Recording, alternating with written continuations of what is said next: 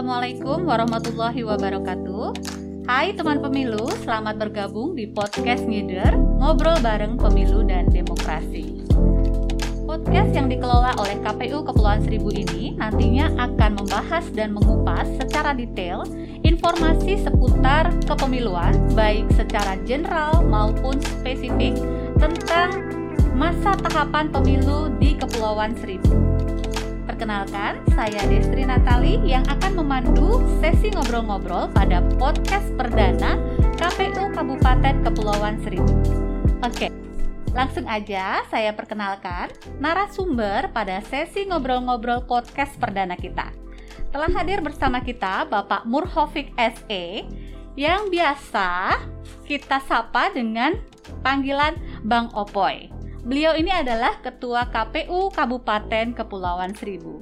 Selamat datang Bang Opoy, apa kabar? Baik-baik, Alhamdulillahirrahmanirrahim. Alhamdulillahirrahmanirrahim. Sehat-sehat ya Bang ya. Ini Sehat. lagi di masa-masa seperti sekarang ini paling penting banget tuh emang kesehatan ya Bang nomor Betul. satu ya Bang. Oke Bang Opoy, uh, boleh dong sedikit cerita dulu nih uh, pengalaman Bang Opoy terkait kepemiluan sebelum menjadi penyelenggara pemilu? Bisa diceritain dulu, Bang. Ya, terima kasih Mediastri. Uh, se -se uh, sebelum saya menjadi uh, penyelenggara pemilu, uh, saya pernah menjadi pemantau pemilu yaitu di Unfrail University Network for Free Election. Yang selanjutnya setelah uh, saya berkutat di Unreal untuk pemilu 2004 saya menjadi KPPS di TPS 05 Pulau Untung Jawa. Nah, di situ saya mulai uh, mengetahui bagaimana proses pemilihan secara langsung oleh masyarakat setempat. Uh, Selanjutnya saya juga pernah menjadi KPPS untuk pemilu tahun 2009. Sama bertugas di TPS 05 di Kelurahan Pulau Untung Jawa. Dan di situ saya uh, melihat uh, ada potensi uh, kecurangan terhadap pemilih-pemilih yang ada di uh, Pulau Resort karena kebetulan untuk TPS 5 ini uh, berada di Pulau Resort Bidadari dan Pulau Air serta Pulau Undrus. Jadi uh, untuk pemantauan di sana uh, kurang maksimal. Nah, setelah itu saya mencoba menjadi panwascam untuk Pilkada DKI tahun 2012. Nah, dari Panwasam saya juga mencoba mendaftar di KPU Kepulauan Seribu uh, pada tahun 2013. Akhirnya saya dilantik pada tahun 2013 uh, eh, sampai periode uh, sekarang. Jadi sampai tahun ini sampai detik ini saya masih menjabat. Ini uh, ini adalah uh, kedua kali periode saya menjabat jadi uh, komisioner KPU. Nah, untuk periode ini saya kebetulan menjadi ketua KPU Kabupaten Administrasi Kepulauan Seribu. Begitu Mbak Mediasi sekedar info sedikit. Oke, ini aduh panjang banget ya ini pengalamannya ya Bang Opa ya sebelum jadi penyelenggara pemilu aja udah panjang nih. Oke saya tertarik nih Bang uh, sama pengalaman Bang Opo yang pernah menjadi relawan di Unfrail ya uh, di pemilu perdana pasca reformasi tahun 99 apa sih sebenarnya Unfrail itu bang? Ya kalau itu dari namanya gitu ya kedengerannya tuh kayak lembaga luar negeri gitu ya. Apa uh, beneran ini dari lembaga luar negeri atau sebenarnya dari dalam negeri gitu? Coba tolong dijelasin gitu bang Oke, sebenarnya Unfrail itu adalah lembaga dalam negeri. Cuma waktu itu memang mahasiswa action aja, pakai nama luar negeri. Oh gitu. Jadi eh, kesannya itu ada lembaga luar negeri. Tapi pada prinsipnya Unfrail itu adalah lembaga dalam negeri. yang bertugas untuk memantau pemilu pada 99. Jadi tadi saya sudah sedikit-sedikit sampaikan Unfrail itu adalah uh, University Networking for Free Election. Jadi uh, pemantau pemilu dari mahasiswa intinya. Nah itu uh, tujuannya yaitu bagaimana kita ikut serta dalam uh, pemilu 19 yang membebaskan pemerintahan yang sudah dianggap uh, oligarki dan otoriter. Jadi uh, misinya seperti itu. Tetapi pada kesempatan uh, tahun 99 itu memang sebelumnya terjadi gejolak uh, pergulatan demonstrasi mahasiswa yang mana pada uh, hari itu pada waktu itu mahasiswa uh, menjadi uh, sesuatu yang sangat dipercaya. Maksudnya lembaga maksudnya orang yang dianggap dipercaya oleh masyarakat untuk menyampaikan aspirasinya. Nah, dari itu uh, kita waktu itu ditugaskan di Cikini.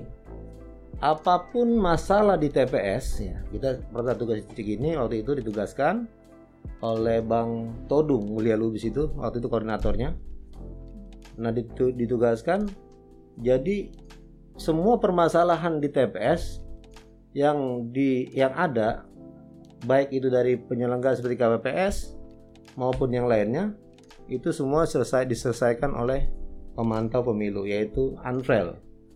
Jadi saya ingat benar ketika ada permasalahan surat suara yang salah coblos saja itu keputusannya ada di uh, luar biasa waktu itu Unreal bisa menjadi uh, orang yang dipercaya nomor satu dalam pada TPS tersebut. Jadi itu sekilas info. Hmm, Jadi kalau memang kita dibentuknya itu, seingat saya tuh 5 Oktober tahun 1998. Jadi Unreal itu dibentuk uh, dan dikoordinasi dikoordinasi oleh Bang Tobing uh, Todung Mulia, Mulia Lubis ya kalau nggak salah. Oke, keren juga ya itu uh, dari peran mahasiswa aja bisa efeknya sampai segitunya gitu ya bang ya. Oke kalau dari pengalaman bang Opoy sendiri nih, uh, ketika sudah menjadi penyelenggara pemilu, kan tadi uh, abang jelaskan tuh sejak uh, di tahun 2004 sampai 2009 jadi KPPS ya bang ya. Iya lalu menjadi Panwascam Pemilu Kada 2012 sampai menjadi komisioner KPU Kabupaten Kepulauan Seribu itu dari tahun 2013 sampai sekarang. Sebenarnya pengalaman apa aja sih Bang yang uh, Abang dapat selama melaksanakan tahapan pemilu maupun pemilu kada di DKI Jakarta ini, Bang? Oke. Uh, jadi memang banyak masalah ya di uh, Kepulauan Seribu tentunya Eh, kita banyak menemukan ilmu ya mendapatkan ilmu yang bermanfaat untuk kemajuan bangsa dan negara ini uh, terutama untuk saya pribadi saya bisa menemukan bagaimana demokrasi di Pulau Seribu itu ditegakkan bagaimana demokrasi di Pulau Seribu itu berjalan dengan baik tetapi acap kali yang menjadi permasalahan di Kepulauan Seribu ini adalah apatisme dari masyarakat itu sendiri untuk uh, melakukan uh, pemungutan suara. Jadi ikut serta itu apatis sekali karena waktu itu pem, uh, Seribu memang uh, pada zamannya uh, saya menjadi KPPS itu belum terbentuk. Di tahun 2004 eh 2000 eh, 2000 tahun 99 itu Pulau Seribu belum ada. Jadi Pulau Seribu itu dibentuk pada tahun 2001 sesuai dengan PP 50 tahun uh, 2001. Jadi uh, 2013 saya baru masuk jadi KPU. Nah, dari situ jadi saya sebelumnya saya sedikit menjelaskan ya tentang Pulau Seribu karena uh, semua masyarakat juga belum tahu kalau Pulau Seribu itu bukan pulaunya ada seribu. Jadi pulaunya nggak sebanyak itu ternyata ya bang ya, nggak sampai seribu. Seratus ada seratus sepuluh pulau. Oke, 6 kelurahan, 110 2 pulau. kecamatan. Jadi eh, kalau dipikir-pikir kalau untuk eh, wilayah memang lebih besar lautan dan daratannya. Nah, dari besarnya lautan yang ada di Kepulauan Seribu itu membuat memang kendala di dalam penyelenggaraan pemilu. Tentunya nanti eh, berefek kepada eh, pengiriman logistik pemilu serta sosialisasi terhadap masyarakat marginal yang dianggap eh, jauh dari eh, perkotaan, dari keramaian seperti Pulau Sabira atau pemilih-pemilih yang ada di perusahaan minyak ManWJ. Nah, jadi memang ironis sekali eh, sistem eh, SOP yang dilakukan oleh KPU RI terhadap semua jajarannya adalah sama. Tidak ada wilayah yang pulau- berbentuk kepulauan, tapi anggap dianggap daratan. Nah, jadi eh, pengalaman yang sangat menarik itu kita bisa bagaimana SOP itu bisa kita inovasi supaya agar eh, pemilu di Pulau Seribu itu berjalan dengan baik. Karena dari segi penganggaran semua disamakan oleh KPU daratan, Bang. Kalau Pulau Seribu seperti penganggaran kapalnya tidak ada. Jadi kita bagaimana memutar otak agar eh, pemilu berjalan dengan baik, terutama pendistribusian logistiknya sampai ke TPS sesuai dengan waktu. Nah, jadi itu jadi kendala dan eh, tantangan di Kepulauan Seribu itu sangat memang sangat menarik. Jadi saya pikir dengan jumlah eh, daftar pemilih yang sangat kecil itu itu sebenarnya gampang kita kelola. Tetapi pada kenyataannya eh, kita harus memutar otak, berpikir dengan tepat, Eh, karena kalau tidak tepat maka akan eh, menjadi kegagalan, menjadi sesuatu yang tidak berefek baik terhadap penyelenggaraan pemilu di Kepulauan Seribu. Gitu Oke. Mindasri. Oke bang. Nah ini kan eh, dari penjelasan abang tuh ya eh, sesuai banget ya sama eh, rangkap jabatannya abang nih ya di sini. bang Opo ini kan eh, merangkap jabatan gitu ya sebagai ketua KPU Kabupaten Kepulauan Seribu sekaligus sebagai ketua divisi keuangan umum dan logistik ya seperti yang tadi abang jelaskan terkait dengan eh, logistik dan keuangan. Nah kalau boleh tahu nih bang, eh, gimana sih teknis pengelolaan keuangan dan pendistribusian logistik ke sebaran pulau-pulau sampai ke TPS-TPS-nya nih yang di Kepulauan Seribu. Kan seperti yang tadi Abang jelaskan bahwa penganggarannya itu kalau dari eh, pusat ya, itu eh, disamakan dengan daratan gitu. Nah, itu gimana tuh Bang untuk penyiasatannya? ya kan karena pasti eh, nggak bisa sama dong ya eh, pas eh, pelaksanaan kegiatannya, realitanya itu tidak tidak mungkin sama gitu ya. Nah, Eh, gimana itu bang? Men- menyiasatinya seperti apa kalau eh, dari abang sendiri? Eh, Alhamdulillah eh, eh, saya sebenarnya eh, intent ya dengan cara penganggaran di KPU RI terhadap eh, KPU yang bersifat kepulauan. Karena memang eh, anggaran kita sama semua tapi untuk me- merubah atau me- membuat penyelenggaraan pemilu itu berjalan dengan baik maka kita perlu didukung oleh sekretariatan yang handal yang mampu bisa merevisi dan mengerti keadaan eh, Kepulauan Seribu. Alhamdulillah yang selama ini saya menjabat dari tahun 2013, sekretariatan di Kepulauan Seribu ini sangat sangat sekali membantu karena mengerti bagaimana kondisi wilayah sehingga para setar dan para kasubagnya itu bisa merevisi eh, merevisi akun maupun nomenklatur agar eh, penyelenggaraan pemilu eh, berjalan dengan baik. Contohnya saja begini, ada tidak ada anggaran kapal, untuk pendistribusian logistik atau monitoring uh, ke TPS TPS. Nah, kita memakai dua cara. Kita merevisi anggaran yang ada dan uh, kalau tidak sama sekali tidak bisa direvisi, maka kita bisa minta bantuan ke pemerintah daerah karena uh, walaupun bagaimana sesuai undang-undang pemerintah daerah wajib memfasilitasi kalau kita membutuhkannya. Uh, untuk itu kita harus bisa berkoordinasi dengan pemerintah daerah uh, dan harus bisa berkolaborasi dengan uh, para setari, apa, setariatan, ada setaris dan para kasubagnya.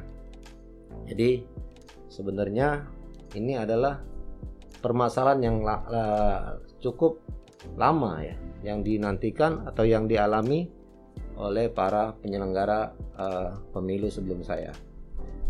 Jadi uh, kalau bicara tentang pendistribusian logistik, uh, kita jelaskan juga di sini untuk pendistribusian logistik pemilu maupun pemilu kada, uh, kita akan uh, mem memiliki atau merencanakan semua logistik masuk ke kantor. Kantor pusat maksudnya ke dar maksud yang di daratan. Nah setelah di kantor mitra praja ini di kantor daratan di gudang mitra praja ini sudah terkumpul semua dan kita sortir dan lipat maka kita uh, akan kirim kepada eh, masing-masing uh, uh, PPK nah melalui Marina Ancol. Jadi kita menggunakan kapal. Nah, di situ bisa memaksimalkan anggaran yang ada. Tetapi kalau tidak bisa, tidak ada juga di anggaran, maka kita pinjam ke Pemda agar eh, pendistribusian logistik yang sudah kita siapkan di eh, gudang daratan ini yang ada di Gedung Mitra Praja, eh, kantor perwakilan, eh, itu bisa eh, tersalurkan ke pulau eh, ke kecamatan masing-masing. Nah, setelah itu uh, untuk H-1 kita sudah harus wajib dan tidak atau tidak logistik harus sampai ke TPS masing-masing. Karena itu udah amanat undang-undang. Karena prinsip-prinsip di, di, di apa logistik itu harus kita penuhi. Salah satunya adalah tepat sasaran, tepat jumlah, tepat waktu. Nah, tepat waktu ini kalau sampai meleset, maka kita akan menjadi uh, dianggap menjadi penyelenggara yang tidak profesional. Nah, jadi walaupun bagaimana kita harus tepat waktu, nah, tepat jumlah, tepat sasaran. Nah, kalau tidak tepat jumlah juga, itu pasti akan berakibat fatal karena nanti akan menggelembungkan eh, dana atau anggaran untuk uh, mengambil kekurangannya. Contohnya, kekurangan plano saja itu bisa kita uh, sampai habis puluhan juta. Bayangkan kalau di darat cuman 10 ribu seandainya. Naik ini ya, sekali jalan naik ojek, ojek ya Pak. 10 ribu keluar. Kita di atas 10 juta bos. Karena sewa kapal, yeah, yeah. segala macamnya. Kalau kita nggak sewa kapal, kalau naik reguler, pasti akan telat, tidak tepat waktu. Pasti nanti semua kena sanksi. Jadi itu yang harus diperhitungkan dalam pendistribuan logistik di wilayah Kepulauan Seribu. Oke, okay. uh, eh, kayak uh, di logistik itu kan ya bang ada beberapa maksudnya uh, yang dari Pulau Seribu sendiri, maksudnya dari KPU Pulau Seribu sendiri itu tidak tidak me apa ya tidak mencetak gitu. Jadi kan uh, nunggu dari distribusi dari KPU RI ya, baru disalurkan kemudian gitu kan bang. Nah ini untuk ketepatan waktu ini tadi kita lagi ngobrolin soal ketepatan waktu nih bang. Nah itu gimana tuh bang buat nge kira-kira ngepusnya nih jurus ngepusnya biar uh, dari KPRI itu tepat waktu untuk uh, sampai ke Pulau Seribu, ke KPU Pulau Seribu yang kemudian KPU Pulau Seribu itu mendistribusikan dengan dengan waktu yang uh, tepat gitu ya. Karena pastinya kan uh, kalau misalkan nih Bang disamakan dengan wilayah lain gitu ya. Uh, distribusinya dibarengin nih. Jadi wilayah uh, DKI Jakarta seluruhnya sama, waktunya sama. Itu kan uh, kalau di wilayah lain bisa langsung di drop gitu aja ya dalam sehari lah. Kalau di Pulau Seribu kan kayaknya nggak mungkin begitu ya bang. Itu gimana tuh bang buat pendekatannya ke KPU RI biar lancar gitu untuk pendistribusian ngirimnya biar lebih cepat atau gimana gitu bang? Ya benar sekali Midastri ini sangat sangat sangat uh, nyata kalau kita tidak berkoordinasi secara intens terhadap uh, kepada KPU RI melalui KPU Provinsi DKI, ini pasti semua urusan yang daerah kepulauan ini ini akan pasti terlambat. Nah inilah fungsinya kita uh, berkoordinasi dengan pimpinan kita untuk segera uh, mencetak atau um, apa menyampaikan atau mendistribusikan ke kita semua sesuatunya yang berkaitan dengan pemilihan di TPS karena kita juga uh, tidak serta merta memikirkan hanya cuman itu. Tapi kita faktor cuaca kita juga berkoordinasi dengan pihak BMKG jadi uh, apakah ada badai atau tidak? Nah, pernah masalahnya kejadian pernah kejadian terhadap kita waktu pilkada itu. Jadi kita sampai 12 jam. Yang seharusnya 6 jam kita berjalan eh, dalam perjalanan laut tetapi 12 jam. Karena apa? Faktor cuaca. Jadi kita melipir ke pulau-pulau kecil yang terdekat di daratan. Contoh sebelum kita menuju ke ke pulau ke pusat kita pusat logistik kita di Pulau Panggang itu jadi kita melipir dulu menepi untuk berlindung cuaca di Pulau Bidadari. Nah setelah kita cuaca berkurang melipir lagi ke pulau Untung Jawa. Melipir terus sampai uh, akhirnya kita malam jam 2 jam 12 malam itu sampai di Pulau Pramuka Pulau Panggang. Jadi ceritanya itu. Makanya kita uh, untuk pendistribusian logistik ini sebelumnya kita harus intent berkoordinasi agar percetakan uh, di pabrik-pabrik itu segera untuk dicetak untuk disampaikan ke Kepulauan Seribu.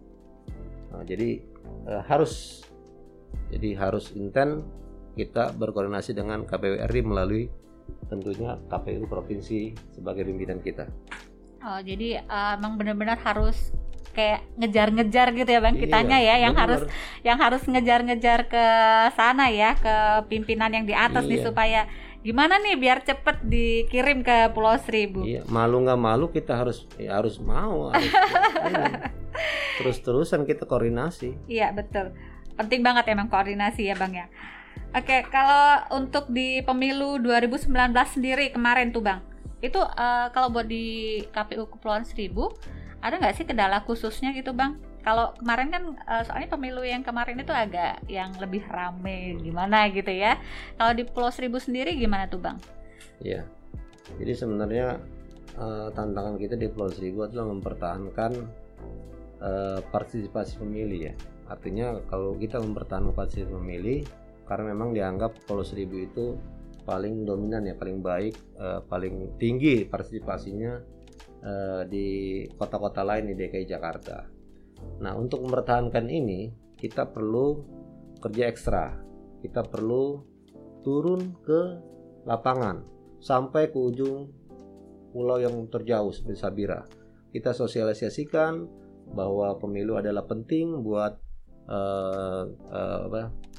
buat keberlangsungan hidup bernegara. Nah, alhamdulillah partisipasi itu kita uh, kita raih 82% ya kayaknya kalau saya nggak salah nggak salah 82% jadi itu pun juga menjadi uh, partisipasi yang tertinggi di wilayah DKI Jakarta. Kita jangan melihat uh, Pulau Seribu ini di sebelah mata. Karena di walaupun memang daftar pemilihnya pemilihnya uh, sedikit tetapi tantangan untuk melakukan tahapan ini di wilayah Kepulauan Seribu sangat sulit. Terutama uh, kita memperhitungkan faktor cuaca Jadi eh, ke depannya mungkin kita akan lebih maksimal lagi berkoneksi dengan terutama eh, kendala-kendala yang ada di eh, perusahaan-perusahaan minyak ya. Karena memang perusahaan-perusahaan minyak di sana itu milik BUMN jadi kita harus wajib berinten eh, inten berkoordinasi kalau tidak nanti eh, di sana nanti malah tidak akan terjadi pemilihan. Tidak ada pemungutan suara di sana. Karena memang eh, bayangkan saja kemarin saya ke sana itu eh, untuk naik ke rignya ke tempat dia mana penguburan minyak itu tempat orang bekerja di sana itu melak, em, apa, melakukan kapal Pertamina tetapi dikerek gitu jadi kayak orang ngambil barang di grup begitu diangkat dipindahkan ke eh, rig itu karena memang cuacanya sedang ekstrim ombaknya besar kalau merapat ke mana ke, kapal itu keriknya. ha-ha. ke rignya itu akan pecah kapalnya Hmm. maka sistemnya adalah ini jadi nggak semuanya kapal bisa merapat Standar ke situ gitu nggak standar bisa, nggak ya, bisa. bisa ya. ada kapal khusus makanya kita juga eh, sulit kalau seandainya eh, PHE maupun PHE OSS tidak eh, memfasilitasi eh, kapal untuk menuju ke rig-rig yang ada di anjungan eh, wilayah kerja PHE ONWJ maupun PHE OSS. Jadi itu kendalanya industri. Tapi untuk yang lain masih kita bisa eh, apa namanya kita siasati dengan internal kita untuk masalah anggaran. Insya Allah mudah-mudahan untuk pemilu 2024 kalau tidak ada pandemi kita eh, bisa melaksanakan tahapan dengan normal tidak Amin, adanya amin, masker amin. dan tidak adanya eh, APD lah bahasanya Iya. ya mudah-mudahan saja Amin. terlepas dari eh, pandemi Amin ya rabbal alamin. Mudah-mudahan ya Bang ya pandemi segera berlalu ini benar-benar kita biar iya aduh, biar nggak sesak napas juga kayak gini kita ya Bang. kita ini ngomong pakai ini kan ngap-ngapan juga Oke. Jadi emang di Kepulauan Seribu ini emang karakteristik eh, ge- geografisnya itu yang menjadi tantangan tersendiri ya Bang ya eh, bagi penyelenggara pemilu di KPU Kabupaten Kepulauan Seribu khususnya terkait eh, dengan pendistribusian logistik. Oke, terima kasih Bang Opo yang sudah meluangkan waktu buat ngobrol-ngobrol di podcast kita. Sehat-sehat selalu ya Bang ya. Saya Destri Natali, salam KPU melayani. Wassalamualaikum warahmatullahi wabarakatuh.